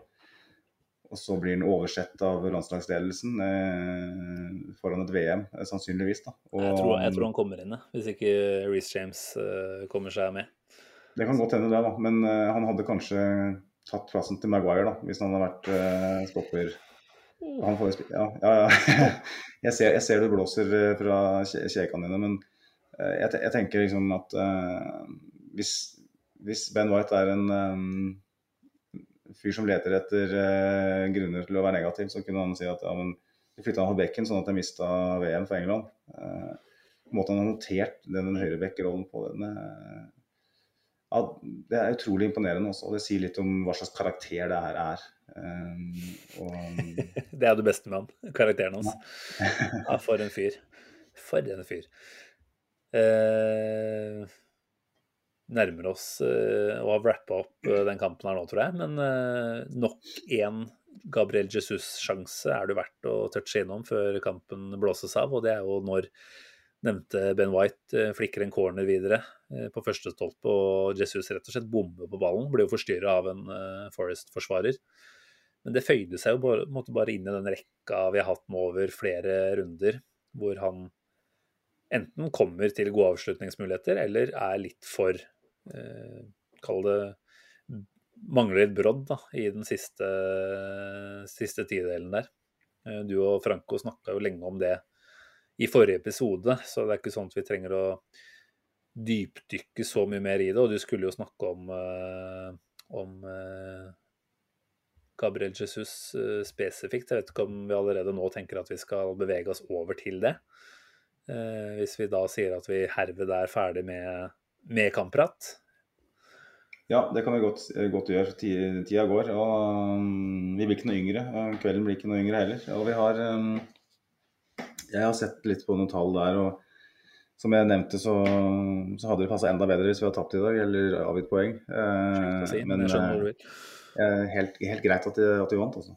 Jeg syns det er fint, det. Og så um, for ta de tallene vi så på sjøl, Simen, før innspillingen, og så så vi at Gabriel Jesus uh, ligger over tre mål bak uh, XG-en sin. Han, uh, skulle over, han skulle hatt åtte mål og ha fem. Eh, han hadde åtte, så hadde han vel vært eh, Tredjeplass, vel, på toppskårerlista. Ikke sant? Eh, Og, og særlig de siste to kampene her så har han jo brent en del, da, og store. Og skulle hatt både 0,83 og 0,82 i henholdsvis eh, Forest og Southampton nå. Eh, Så han skulle ha skåret, det, det er ikke noe tvil om det. starta jo veldig, veldig bra. Eh, syns han så usedvanlig skarp ut under preseason og de første kampene av sesongen. Og tenkte at dette er en fyr som er frigjort fra det ro robotisk ansvaret i Manchester City. Eh, nå kan han være seg sjøl i Arsenal og få den friheten. Eh, men eh, nei, det stemmer ikke for den foran mål, altså. Jeg så på Vi har snakka mye om at fram, et, fram til Liverpool-kampen, og til og med Liverpool-kampen, så hadde Arsenal et prestasjonsnivå som var bedre enn alle Premier League, inkludert City. Eh, og så droppa vi veldig, eh, det er de fleste enig i, etter eh, den kampen. Den Bodø-Glimt-kampen borte. Det var starten på en litt tyngre rekke. Vi har jo resultatene sånn sett ganske greie, men prestasjonene har jo jevnt over vært på et helt annet nivå. Um, og da har jeg sett på alle de offensive spillerne våre sine tall når det gjelder antall skudd og antall skudd per, eh, på mål per 90. Ganske enkelt, men allikevel sier noe. Og Gabriel Jesus hadde jo da 2,9 skudd eh, per 90. Han har ikke droppa så veldig etter eh, Liverpool. Han eh, lå foran Nottingham, da vil jeg merke, lå på 2,5. Jeg tipper med sju avslutninger i dag, så er han kanskje oppe på snitt igjen. Da. Men eh, det som er verdt å merke seg, er at han hadde 1,63 på mål før, før Bodø-Glimt, og nede i én blank etter. Eh, og det forteller den historien som vi har sett med, med våre egne øyne. Så skal det sies at noen av avslutningene som treffer mål òg, er svake. Eh, men det er en spiller som sliter eh, foran mål, og da lurer man på hvem i alle dager skal eh, steppe opp her. For det, Ja, eller for å svare på Fredrik Sandborgs spørsmål, da. Bør vi være bekymret for at han ikke skårer? Altså, vi skårer Ja. jo fem mål i dag. Jesus, som jo skal være vår go to målskårer, eh, har til gode å, å sette. Gjør det at du blir bekymra, eller gjør det at du tenker at her har vi gode alternativer? Nei, absolutt grunn til å være bekymra. Jeg har sett på de andre spillerne sine tall òg, og satt- sett opp imot den. Eh, Han kommer jo for så vidt til mye sjanser, Jesus, og sånt. det er jo positivt. Eh, På et eller annet tidspunkt så vil jeg tro at det løsner. Eh, Da er spørsmålet hvem, hvem skal på en måte eh, i hans eh, manglende bidrag eh, i målprotokollen eh, bidra da, eller tette det hullet. Eh, så er jo Gabriel Martinelli den første som slår meg. Eh, jeg tror jo han kan bli en råere målskårer enn Gabriel Jesus eh, på sikt. Eh, og i dag skårer han igjen, heldigvis. Ellers så har jo han droppa veldig. Tror han har spilt veldig bra, syns jeg, Martinelli. Men som vi snakka litt om i stad med Zinchenko og hans eh, skadefravær, da, så gjør det, gjør det oss mer forutsigbare. Eh, Martinelli må hele tida har hele tida vært nødt til å vende opp og gå innover eller bakover. fordi det har vært eh, tett med kropper foran hele veien, så han blir aldri, nesten aldri satt opp én mot én der vi ønsker å se han, for han er kjempegod i de posisjonene. Eh, så vi får ikke, får ikke brukt han. og Det fører òg til at han blir liggende isolert mer ute på den sida. Og han og Jesus har ikke vandra like mye på tvers av posisjonene. Så vi blir mye mer forutsigbare. Jeg synes uh, Du så jeg har sett det samme på høyre med Saka. at Vi, vi ligner litt på det, vi har lignet litt på det Arsenal som vi så i, fjor, i, i våres. da, eh, Hvor vi er lette å lese og ting går litt for sakte. og eh, Da blir det ikke så mye av det. Martinelli sine tall før Nottingham Han hadde 2,8 avslutninger per 90 før før Bodø-Glimt. Mm. Ett skudd traff mål per match. Etter Bodø-Glimt, før Nottingham, så hadde han ett, bare ett eneste skudd uh, i snitt per match og 0,2 på mål per match. Oi. Det er jo en periode hvor Zinchenko har vært ute hele ja. veien. Jeg syns det er ganske interessant. Og så må vi tenke på at det er Europaliga inni her, og hvor representative de tallene. Ja, ja, det er mange faktorer der. Det det. Mm. Saka eh, hadde han, han, ligger ganske likt, så det er kanskje dumt å ta med, men han dropper veldig lite. Han har faktisk flere avslutninger etter Glimt-matchen, både på mål og 2,4 eh, skudd per match og ett på mål. Eh, Ødegaard igjen droppa. Mm. Eh, veldig. Han skåra jo tre mål i august. Tre på to kamper, vel. Mot Bournemouth og mot uh, Fulham. Stemmer. Eh, og så skåra han ikke skåla der sida. Og vi trenger jo at han bidrar, eh, sånn som det er nå. Han har ikke bidratt i det hele tatt. Han har jo nesten ikke skutt. Nå nede i 1,4 per match eh, etter den Liverpool-matchen. Og 0,6 på mål per match. Det blir ikke mange mål av det. Eh, mens Eddie Nketia, som vi håper kan steppe, har spilt mer da, etter for det har vært Europaliga og sånn i bildet. Eh, men han hadde 2,6 avslutninger per eh, match eh, etter Liverpool. Stor oppsving fordi han har spilt eh, flere minutter, mm. men kun 0,4 per match på mål. Da. Så han har jo brent noe voldsomt. Og det har vi sett òg. Skuddene hans går i alle retninger. Han bare lukker øya og trekker av. Så spørsmålet er hvor skal de måla komme fra? Mm. Gabriel Jesus uh, sliter sånn som han, han gjør nå. Uh, og den drop-offen vi har hatt med uh, sjanseskaping og sånt, den har jeg òg sett på, ikke sant. Og så Per 90 så hadde vi jo 16,8 skudd per match som lag. og etter Liverpool da, så var det 13,6, så det er jo tre skudd færre. Og på mål så er det 6,54 per match mot 3,8. Så det er nesten halv, halvert antall skudd på mål per match. og Det sier noe om kvaliteten på sjansen vi skaper. og hvor, for det, er ikke sånn at de begynner å brenne i alle retninger. Det betyr at uh, de avslutningene kommer fra vanskeligere vinkler, fra lengre hold gjerne. Uh, det skapes for lite. Og Ser du på antall driblinger òg, så det er nesten halvert fra um, før Bodø-Glimt til etter Bodø-Glimt. Mm. Uh, nei, før Liverpool og etter ja, Liverpool. Um, samme med XG-en. Um, det som er interessant her, XG mot etter Liverpool er eh, 0,86 per match. Mm. Mens før var det 0,92, så der er, eh, der har vi faktisk uh, en forbedring. Ja. Men for der har vi 2,27 før Bodø-Glimt og 1,42 etter. Så det er offensivt hvor vi har uh, hatt problemer. Og det, det, stemmer med øyetesten min. Jeg håper det her blir eh, noenlunde forståelig. Altså, det er liksom, den drop-offen har vært betydelig, og det, du ser det i de nøkkelparameterne.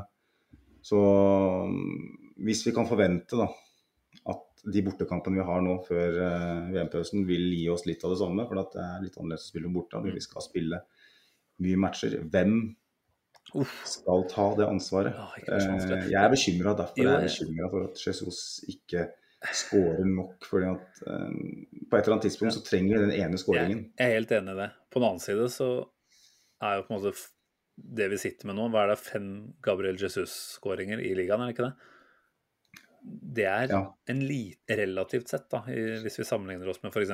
City og Tottenham, en liten andel av lagets totale skåringstall som er besørga av eh, den som på en måte skal være hovednier da, i laget. Eh, altså 35 mål, det er ca. 16 eh, City med Haaland, der har vi vel eh, Nå fikk vi jo et eksempel på at de klarte seg uten Haaland-skåringer, men det var bare så vidt, det også. Mm. Haaland har skåra 17 av City sine 37. Da er vi oppe i 46 skå- av skåringene til City. Mens Kane har vel Er det 10? Av Tottenham sine 26. Han har skåret 38% Så svaret ligger jo på en måte litt der, da. Altså Allerede nå så ser vi jo at Arsenal som lag eh, produserer. eh, Der eh, flere av våre direkte rivaler kanskje er mer avhengig av eh, enkeltspillere enn oss, da. Eh, Jeg er ikke ikke bekymra, bare sånn at du forstår meg rett. Jeg ser jo veldig gjerne at Jesus skårer flere, eh, og tror at han trenger et mål eller to nå bare for å komme i gang igjen. Jeg har jo også litt Det er vel en klassisk om at en spiss eh, er så avhengig av å ha flyten, ikke sant. Altså når man først opplever at noe går inn, så går alt inn. Og når man opplever at ingenting går inn, så bommer man på alt. Og det har vi jo sett Mm. nå de siste kampene. Så jeg tenker at uh, Problemet med at han ikke skåret i dag, var at dette var sannsynligvis den sjansen, nei, denne kampen på en del matcher hvor han fikk flest muligheter. da. Uh, han burde ha lett kunne ha skåret to i dag. Uh, nå skal vi spille mot Chelsea. Det er jo for så vidt artig da, hvis han ender opp med å det der istedenfor, men vi kommer ikke til å få like mange sjanser der som vi gjør hjemme mot Forest. Så hvis han på en måte skulle hatt én mulighet til å komme litt i gang, da, så var det jo i dag. Eh, eller i går, for de som lytter.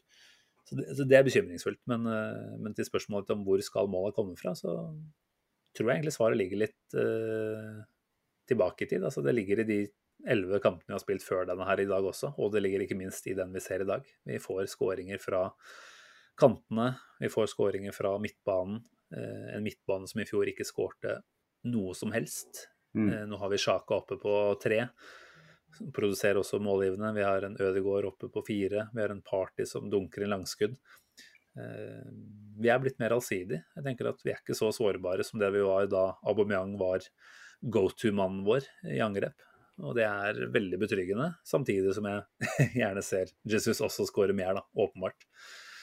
Men, Så tenker jeg jo volum på sjanseskaping er eh, et veldig viktig konsept her. fordi at hvis vi har over 20 skudd eh, i løpet av en match, så vil sannsynligvis et par gå inn. Eh, Problemet, som jeg nevnte, den eh, litt uryddige oppramsinga av eh, stats her, så skapte vi betydelig færre målsjanser i den eh, femkampersrekka Mm. eh, før den kampen her. Og da blir man mer avhengig av at du har en spiss som, som putter, som er den ene spilleren man vet på en måte har det lille ekstra i, i de posisjonene, de situasjonene. Ja. Mot uh, Southampton f.eks. Så, så kunne vi ha leda med et par mål til uh, hvis Jesus hadde vært uh, litt skarpere. Mm.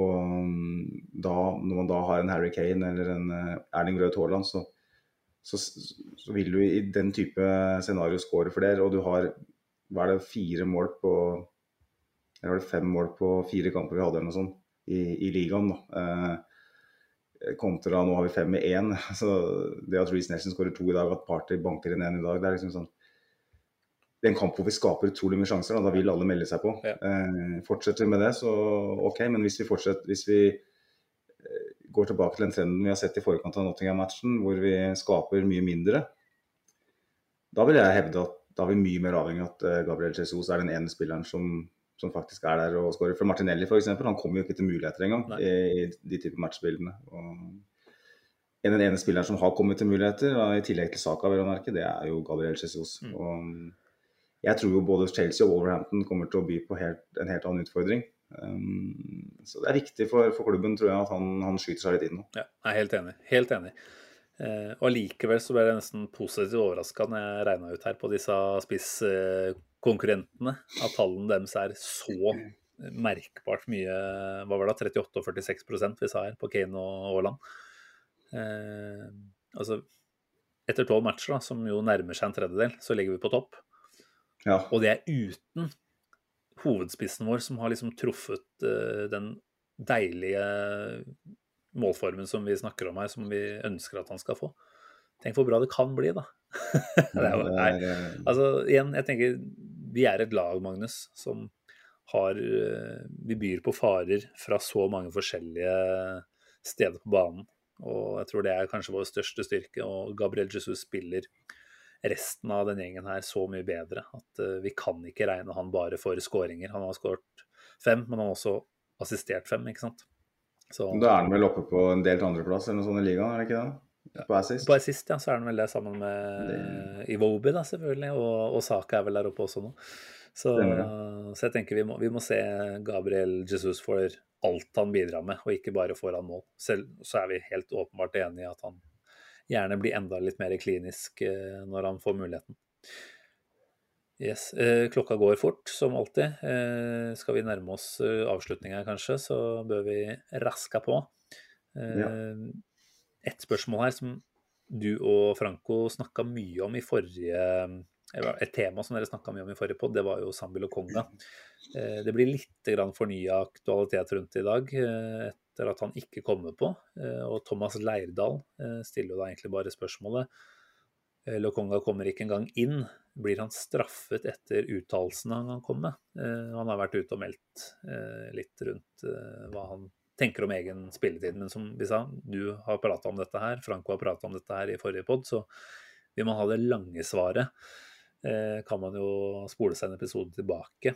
Men hva tenker du om at vi på et kampbilde som i dag, eh, så komfortabelt som det er den siste halvtimen, eh, med Party sin skadehistorikk, hva tenker du om at vi ikke får et bytte mellom Party og Lokonga? Først og fremst så tenker jeg at det blir interessant å høre fra deg, men jeg skal, jeg skal gi deg et uh, svar allikevel. Jeg har um, vært litt kritisk til Lokonga egentlig over ganske lang tid nå. Det nevnte jeg i forrige episode òg, at jeg syns på en måte han er for langt unna. Mm. Uh, og har vært det hele veien.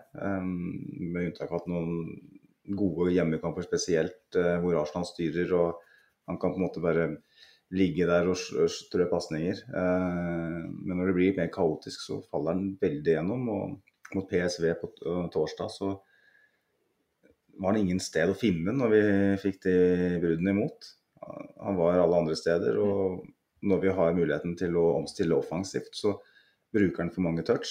Eh, det går for sakte. Han har utrolig teknikk og eh, presisjon på pasninger. Altså tempo, altså farten han får i ball og alt det der er utrolig bra. Men han, han tiltrekker seg eh, press, da, tiltrekker seg kaos, nesten, vil jeg si. Eh, går, han er ikke kjapp nok, eh, enten i hodet eller fysisk. Har ikke intensiteten i spillet til å ha den rollen i laget. Jeg tror ikke han har intensiteten i spillet til å spille i åtterrollen, eller for den saks skyld, som mange okay. nevner. Ja, Det var det jeg skulle nevne, skjønner du. ikke per nå, i hvert fall. Eh, hadde han blitt dyrka i den rollen eh, og sluppet på en måte blitt et offer for den mm. litt dårlige planlegginga, må vi si, i sommer. Um, så så kanskje han hadde hatt en annen uh, inngang. Men jeg mener at det som jeg sa, sa i forrige episode, at skal han bli en toppspiller Nå er han, er han, ikke, er han 23 år nå. Uh, så, kan ikke han klage på sånne tilfeldigheter her og der, og at han ikke får sjansen her og der. Da, da har du feil mindset. Da. Ja. Uh, og jeg er kommet dit nå med Lokonga at jeg, som jeg sa, jeg skal aldri avskrive spillere, men fyren må bare sendes på et utland eller et eller annet. For det, jeg, jeg, tror ikke um, jeg tror ikke han har det som skal til per nå for å være en sterk bidragsyter i Ariteta sitt Arsenal. Um, og nå er det din tur, for folk har ikke hørt fra deg. jeg har ikke veldig veldig mye å legge til. Jeg syns du treffer de poengene som jeg er innom også når jeg tenker meg om. Eh, kanskje litt mer positiv enn deg til å se han i en åtterrolle uh, over litt tid. Helt enig i at jeg ikke ser på meg at han takler den eh, sekserrollen eh, sånn som Arsenal ønsker at den skal spilles, og sånn som Premier League krever at eh, man man håndterer ting. Da tenker jeg fortsatt at Elneni er et bedre alternativ. Han var for øvrig tilbake på treningsfeltet her nå. Så tror jeg at det var vel Clive Palmer, som vi har referert til noen ganger, eh, på eh, Arsenal Vision-podkasten. Eh, du er jo poddens Clive, Magnus, men jeg tar meg likevel friheten å, å sitere han. Han sa vel noe om at typen eh, Lokonga var eh, og har vært opp gjennom karrieren sin, som er en ledertype som krever, eller som er vant med i hvert fall, å, å være en sentral del av et lag. Eh, har jo blitt marginalisert eh, etter hvert som tiden har gått i Arsenal, og det må han jo selvfølgelig ta ansvaret for selv. Det er hans prestasjoner først og fremst, og kanskje også fokus og mangel på sådan. Eh, men at han er en type som trenger å spille mer enn det han får gjøre i Arsenal nå, og at sånn sett er et utlån veien å gå. Jeg syns det er for tidlig å sende han på dør for godt og selge. Selvfølgelig kommer det et kjempebud fra en utenlandsklubb, men det klarer jeg liksom ikke helt å se for meg at skulle dukke opp i det økonomiske klimaet man har. Eh, så jeg tenker at et utlån hvor han er en, eh, en ganske ja, er helt fast inventar. Eh, ser det snakkes om eh, championship, eh, koblinga mellom eh, Arteta og Company. Et topplag i championship. Jeg vet ikke hvordan det ser ut på den sentrale midtbanen til Burnley, men eh, det er klart, sende han skal vi si, ned dit, eller opp dit, eh, og rett og slett la han få en helvetes seksmånedersperiode i, i championship, det tror jeg han kunne hatt godt av. Eh, Jeg skal ikke si at han trenger å bygge karakter, men jeg syns det er noe lite grann bekymringsfullt ved de uttalelsene han har. Ikke at de i seg selv er så grove, men at de i det hele tatt kommer, da. Som man burde kunne droppe. Og i hvert fall ut ifra med litt selvinnsikt som man forventer at han har, eh, ser at egne prestasjoner ikke tilsier at han skulle spille noe mer enn det han har gjort heller. Så Og vi husker jo tilbake fra, fra All or Nothing, hvor til og med Nketia, som selv har vært eh, misfornøyd med spilletid, måtte nesten irettesette Lokonga rundt eh, lunsjbordet og be han om å fokusere annerledes. Mm. Så her er det en som trenger et eh, litt miljøskifte. Eh, Det kan jo enten komme ved at han får en mer sentral rolle i Arsenal, men det er vel ganske enig om at det skjer ikke. Og da er det nok et annet sted, for en periode i hvert fall, som er det viktigste og riktigste for han. Ja. Yes, ferdig snakka om han. Uh, ja, jeg tenker det. Jeg tenker det. det. Som sagt, var det noen som ville høre mer, så er det bare å høre på forrige episode. uh, to ord om det vi skal gjennom de neste dagene og ukene, Magnus. Uh, vi har fått ett innspill fra, fra Fleskspurven på Twitter. Eh, som eh, viser til de to Premier League-kampene. Vi har jo også da som sagt en Europaligakamp mot Zürich på torsdag, men deretter så er det Chelsea og Wolves borte. Eh, er vi happy med tre poeng på de to? Eh, fire hvis vi mener alvor. Hva tenker du bør være fasit etter de to neste Premier League-kampene? Hvis vi da tar høyde for at både Skal vi si ja, vi- skal vi bruke så mye tid på Europaligaen? Den skal gå gjennom. Vi skal vinne den gruppa. Og ligacupen mot Brighton, det får vi se an litt, tenker jeg. Se an skadesituasjonen og fatigue-situasjonen etter Chelsea. Men la oss konsentrere oss om Chelsea og Wolves. Hva, hva måte, forventer du av de to? Hva jeg er fornøyd med, er liksom to gode prestasjoner og mest mulig poeng. Jeg tenker eh, ingen krise om vi ikke vinner noen gang, på en måte, sånn, med tanke på den situasjonen vi er i. Eh, vi må stikke fingeren i jorda og tenke at vi er i en så utrolig god posisjon at vi skulle vi være litt uheldige i de kampene og ikke få med oss all verden, så, så tåler vi det fint. Um, det er mer den måten vi går ut av den perioden her og inn i en, et VM. Uh, og hva er på en måte narrativet rundt Arsenal? Um, hvis vi rundspiller Chelsea og rundspiller Wolves så får vi oss to poeng, så er jeg fortsatt fornøyd. Mm. Eh, vinner vi én og taper én og spiller drit dårlig, eh, så er jeg ikke fornøyd. Eh, nå må vi bare se at Arsenal fortsetter å prestere godt på banen. For da vil vi sannsynligvis få med oss eh, minimum tre poeng. Vi, da Mm. får vi se om Wolverhampton får på plass en trener før den tid. Det, det er jo litt typisk, føler jeg. Det sier sikkert andre fans og, av andre klubber òg, at eh, og er det alltid vi som, som møter den der nye manageren med den nye managerbusa som husker på at eh, det byttes trenere ganske ofte i Premier League. Uh, men jeg håper jo at Wolverhampton ikke får ut fingeren innen den tid. Uh, Og Chelsea så ut som ei bøtte med møkk mot uh, Brighton og kunne tatt mer enn tre. Mm. Sånn at jeg er ikke skremt av Chelsea i det hele tatt. Men Arteta men er mot. Potter har jo ikke vært noen suksesshistorie, har det det? Nei, det har det ikke. Det har de ikke. Eh, ble jo totalt rundspilt eh, borte i fjor eh, på Amex. Burde ha tapt. Fikk med et poeng. og Hjemmekampen taper vi, og ikke så mye å si på det, kanskje. Men det er et nytt eh, prosjekt. Jeg hater ordet, men der, der kom det. Sånn at det er litt for tidlig, føler jeg, for at han har virkelig fått skikk på det. men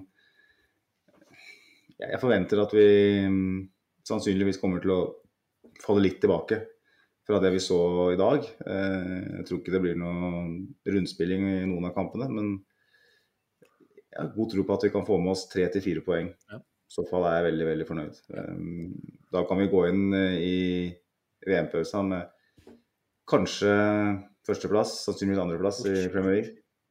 Og vi leder i Premier League til hvis vi leder Premier League når vi går inn i VM-pausa, da har vi leda Premier League i snart et halvt år når vi kommer til nyttår. ikke sant? Hvis vi kommer dit.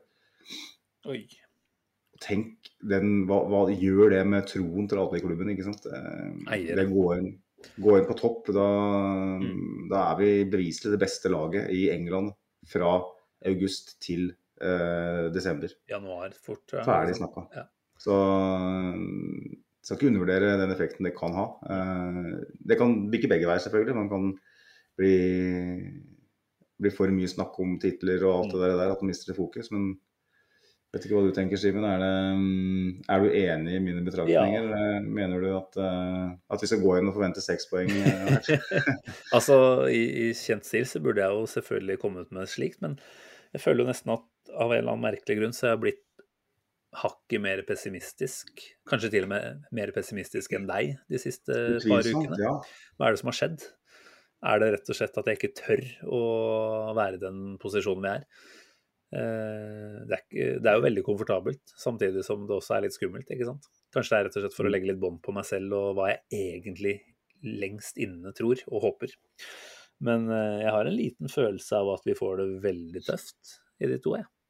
Og at vi kan se på et uh, tap på Stamford Bridge. Uh, igjen, det er litt den der historikken mellom Arteta og Potter som jeg frykter litt, da, rett og slett. Uh, de fikk seg nå en skikkelig nesestyver mot Brighton. Da er det ikke helt usannsynlig at de slår tilbake i kampen deretter. Selv det er en CL-kamp, selvfølgelig, men jeg tror liksom ikke at den betyr så mye. De er vel kvalifisert og trygge der uansett. Så jeg, jeg frykter Ja. den. Jeg frykter faktisk et tap. Og Wolves borte, som er, eh, ja, med et par unntak, ganske vanskelige å, å bryte ned. Eh, Ja, det Hva er det som har skjedd med Jeg med skjønner ikke helt hva som har skjedd med deg. Jeg, jeg ser for meg at eh, et scenario med ett poeng på de neste to ikke er helt usannsynlig, da, for å si det sånn. Du var jo pessimist foran Leeds, du var pessimist foran Southampton, du var pessimist foran Forest i dag, og nå er du pessimist foran de to neste kampene. Eh, Det er, vi ler. altså du, du satt og meldte når vi ble nummer fem i Premier League at uh, vi kan bli nummer to, uh, som jo for så vidt viser seg å kunne stemme. Dumt. og så har, vi, og så har alle spådommene dine så langt sett ut til å stemme veldig godt. Liverpool, som du turte å påstå at kunne havne bak oss. Eh, hvor jeg sier at aldri i verden. Eh, og så er Liverpool 15 poeng bak oss etter 12 kamper. Og så, og så har du på en måte fått rett i alt. Og, og, og nå sier du at nei, dette her, det har jeg ikke helt troa på. Nei, nå vil jeg ikke ha rett, da, for å si det sånn. Nå vil jeg ta så jævlig feil. Uh, men uh, nei, det er bare litt, litt uggen. Uh, En sånn forsvarsmekanisme. som ja, jeg tror det er det. Jeg tror det er så enkelt som det, som sagt. Jeg, Det er ingen grunn til å være mer negativ nå enn før sesongstart. Det er ikke det. Jeg Nei, at jeg er ikke negativ Det er som- mye mer naturlig å være positiv nå enn Jo, jo. i, i august. jeg er jo ikke negativ uh, som helhet. Det er liksom disse to konkrete kampene her som jeg liksom jeg, jeg ser fallgruvene mer enn jeg ser alle de positive faktorene og mulighetene. Uh, og det er nok, som du sier, bare en slags uh, forsvarsmekanisme som slår inn her, når det nå har gått så jævlig bra over en lang periode. Så, men da, da blir det desto deiligere hvis jeg tar feil, da. Jeg gleder meg allerede til neste helg. Ja, Grugleder. det- Grugleder. et tidlig match på Stamford Bridge, er det ikke det? Klokka ett På norsk søndag. Tolv Ja. tolv engelsk. Um... Forrige gang vi var i Vest-London klokka tolv engelsk tid. Det gikk ganske bra. Det var Brentford borte. Stemmer det. Stemmer det. Ja, Det er jo kanskje den beste kampen vi har spilt denne sesongen. der. Eh, sånn at um... Åh, nå ble jeg positiv igjen. Det Var ikke tidligkamp den derre 5-3-matchen mot eh, Chelsea for mange år siden? Jeg tror ikke der, ja. Jo, det kan også Det mener jeg å huske. Jeg har fått han satt i, i hver vår recliner hjemme i Løten og dansa sittende. Det var eh, Judas eh, serverte oss tre skåringer der. Det var eh, Ja, ikke sant. Er, eh, man, man leter jo etter sånne paralleller, da, men sånn jeg, jeg tenker at det er ikke noen fordel for oss å spille Europaligaen torsdag Vi har i hvert fall, hvert fall en, kanskje to hviledager mindre enn Chelsea. Eh, De, de spiller og så skal vi spille onsdag. De spiller hjemme mot eh, Zagreb, men jeg tror som sagt de er gruppevinnere allerede, så de kan rotere skitten ut av den kampen her, mens vi tross alt ikke har eh, Vi har jo ikke helt uh, sikra oss den førsteplassen ennå, så vi må jo Nei. ta poeng, i hvert fall. Er det ikke sånn? Mot eh, Nei, faen heller. Jeg, tror- jeg tror vi må vinne, det, Hvis, vi er, hvis PSV vinner i Bodø, og det, det er det er jeg absolutt ikke sikker på at de gjør. Nei da. Men uh, vi får bare ja, Kanskje vi skal la det være siste ord. Jeg kjente jeg begynte å bli hakket mer positiv etter at du, du kom med et par ord til her, Magnus. Så da, da tror jeg jeg er der jeg skal være. Er det noe mer du ønsker å lufte før vi runder av? Nå er vel denne reason her over, eh, Simen.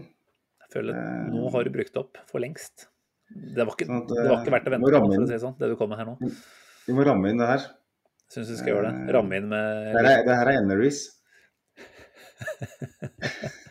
Litt reklame i forkant og litt reklame i etterkant. Har du en ramme der, har du ikke det?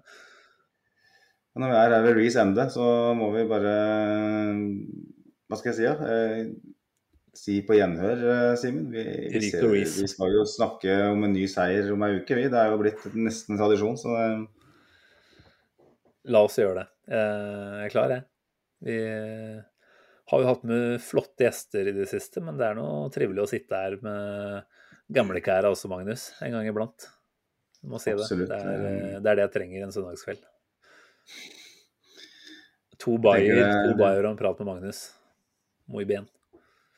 Åh Reparere lørdagens eh, fanteri og i tillegg. Bare nydelig. Så Ja. Nei, men eh, da, da- sier vi vi, vi sier tusen hjertelig takk til alle som er inne og gir oss en eh, liten rating og en liten review på Spotify og iTunes. Det, det syns vi jo gjerne at de som ikke har gjort, eh, må gjøre, og de som eventuelt har noen godord å komme med, må legge til de. Og så håper vi, som vi var inne på i starten her, at, eh, at denne reklamesnutten før og etter ikke er uh, altfor plagsomt. At folk kan leve med det. Det kan hende det byr seg en liten gulrot i enden av det på et eller annet vis, Magnus. Kan det ikke det? Så, Vi får håpe det. Liksom vi lover for mye, så, så håper vi på at dette blir eh, hakket, enda et hakk bedre enn det det, det har vært fram til nå. At denne 108. episoden er eh, enda et lite veiskille i positiv retning. Så Nei, men bra, Magnus. Takk for en nydelig prat. Setter pris på det. Takk i like måte, Simen. Greit. Da runder vi av. Tusen takk til deg som lytter. Eh, setter veldig stor pris på det også. Og på gjenhør om ikke altfor lenge. Ha det bra. Ha det, ha det. Reece.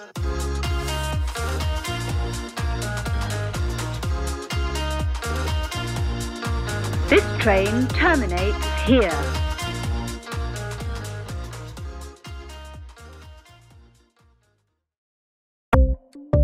Ukens annonsør er HelloFresh. HelloFresh er verdens ledende matkasseleverandør og kan være redningen i en travel hverdag. Mange av oss har nok vandret i butikken både sultne og uten en plan for middagen, som ender med at vi går for de samme kjedelige rettene gang på gang. Middag burde være dagens høydepunkt. Som HelloFresh kan du nå velge mellom 25 ulike retter hver eneste uke, eller få HelloFresh til å sette sammen menyen for deg. Dette gir deg muligheten til å prøve nye og spennende retter alene eller sammen med familien. Du velger antall porsjoner og får alt levert på døren på et tidspunkt som passer for deg. Oppskriftene er enkle, og maten er lett å lage både for store og for små. Ved å få alt levert hjem får du også mer tid til å dele matgleden med familie og venner. Kanskje det frister med asiatiske tacos eller greskinspirert kylling? Da kan jeg anbefale deg om å gå inn på hellofresh.no. Her kan du bruke koden FOTBALL og få opptil 1779 kroner i rabatt på de første fem matkastene hvis du ikke har prøvd Hello Fresh tidligere. Du kan også bruke rabatten hvis du har vært kunde og stoppet abonnementet ditt for tolv måneder siden eller lengre. Gå inn på hellofresh.no og bruk koden FOTBALL. Har du et enkeltpersonforetak eller en liten bedrift? Da er du sikkert lei av å høre meg snakke om hvor enkelt det er med kvitteringer og bilag i fiken, så vi eh, gir oss her, vi. Fordi vi liker enkelt. Fiken superenkelt regnskap.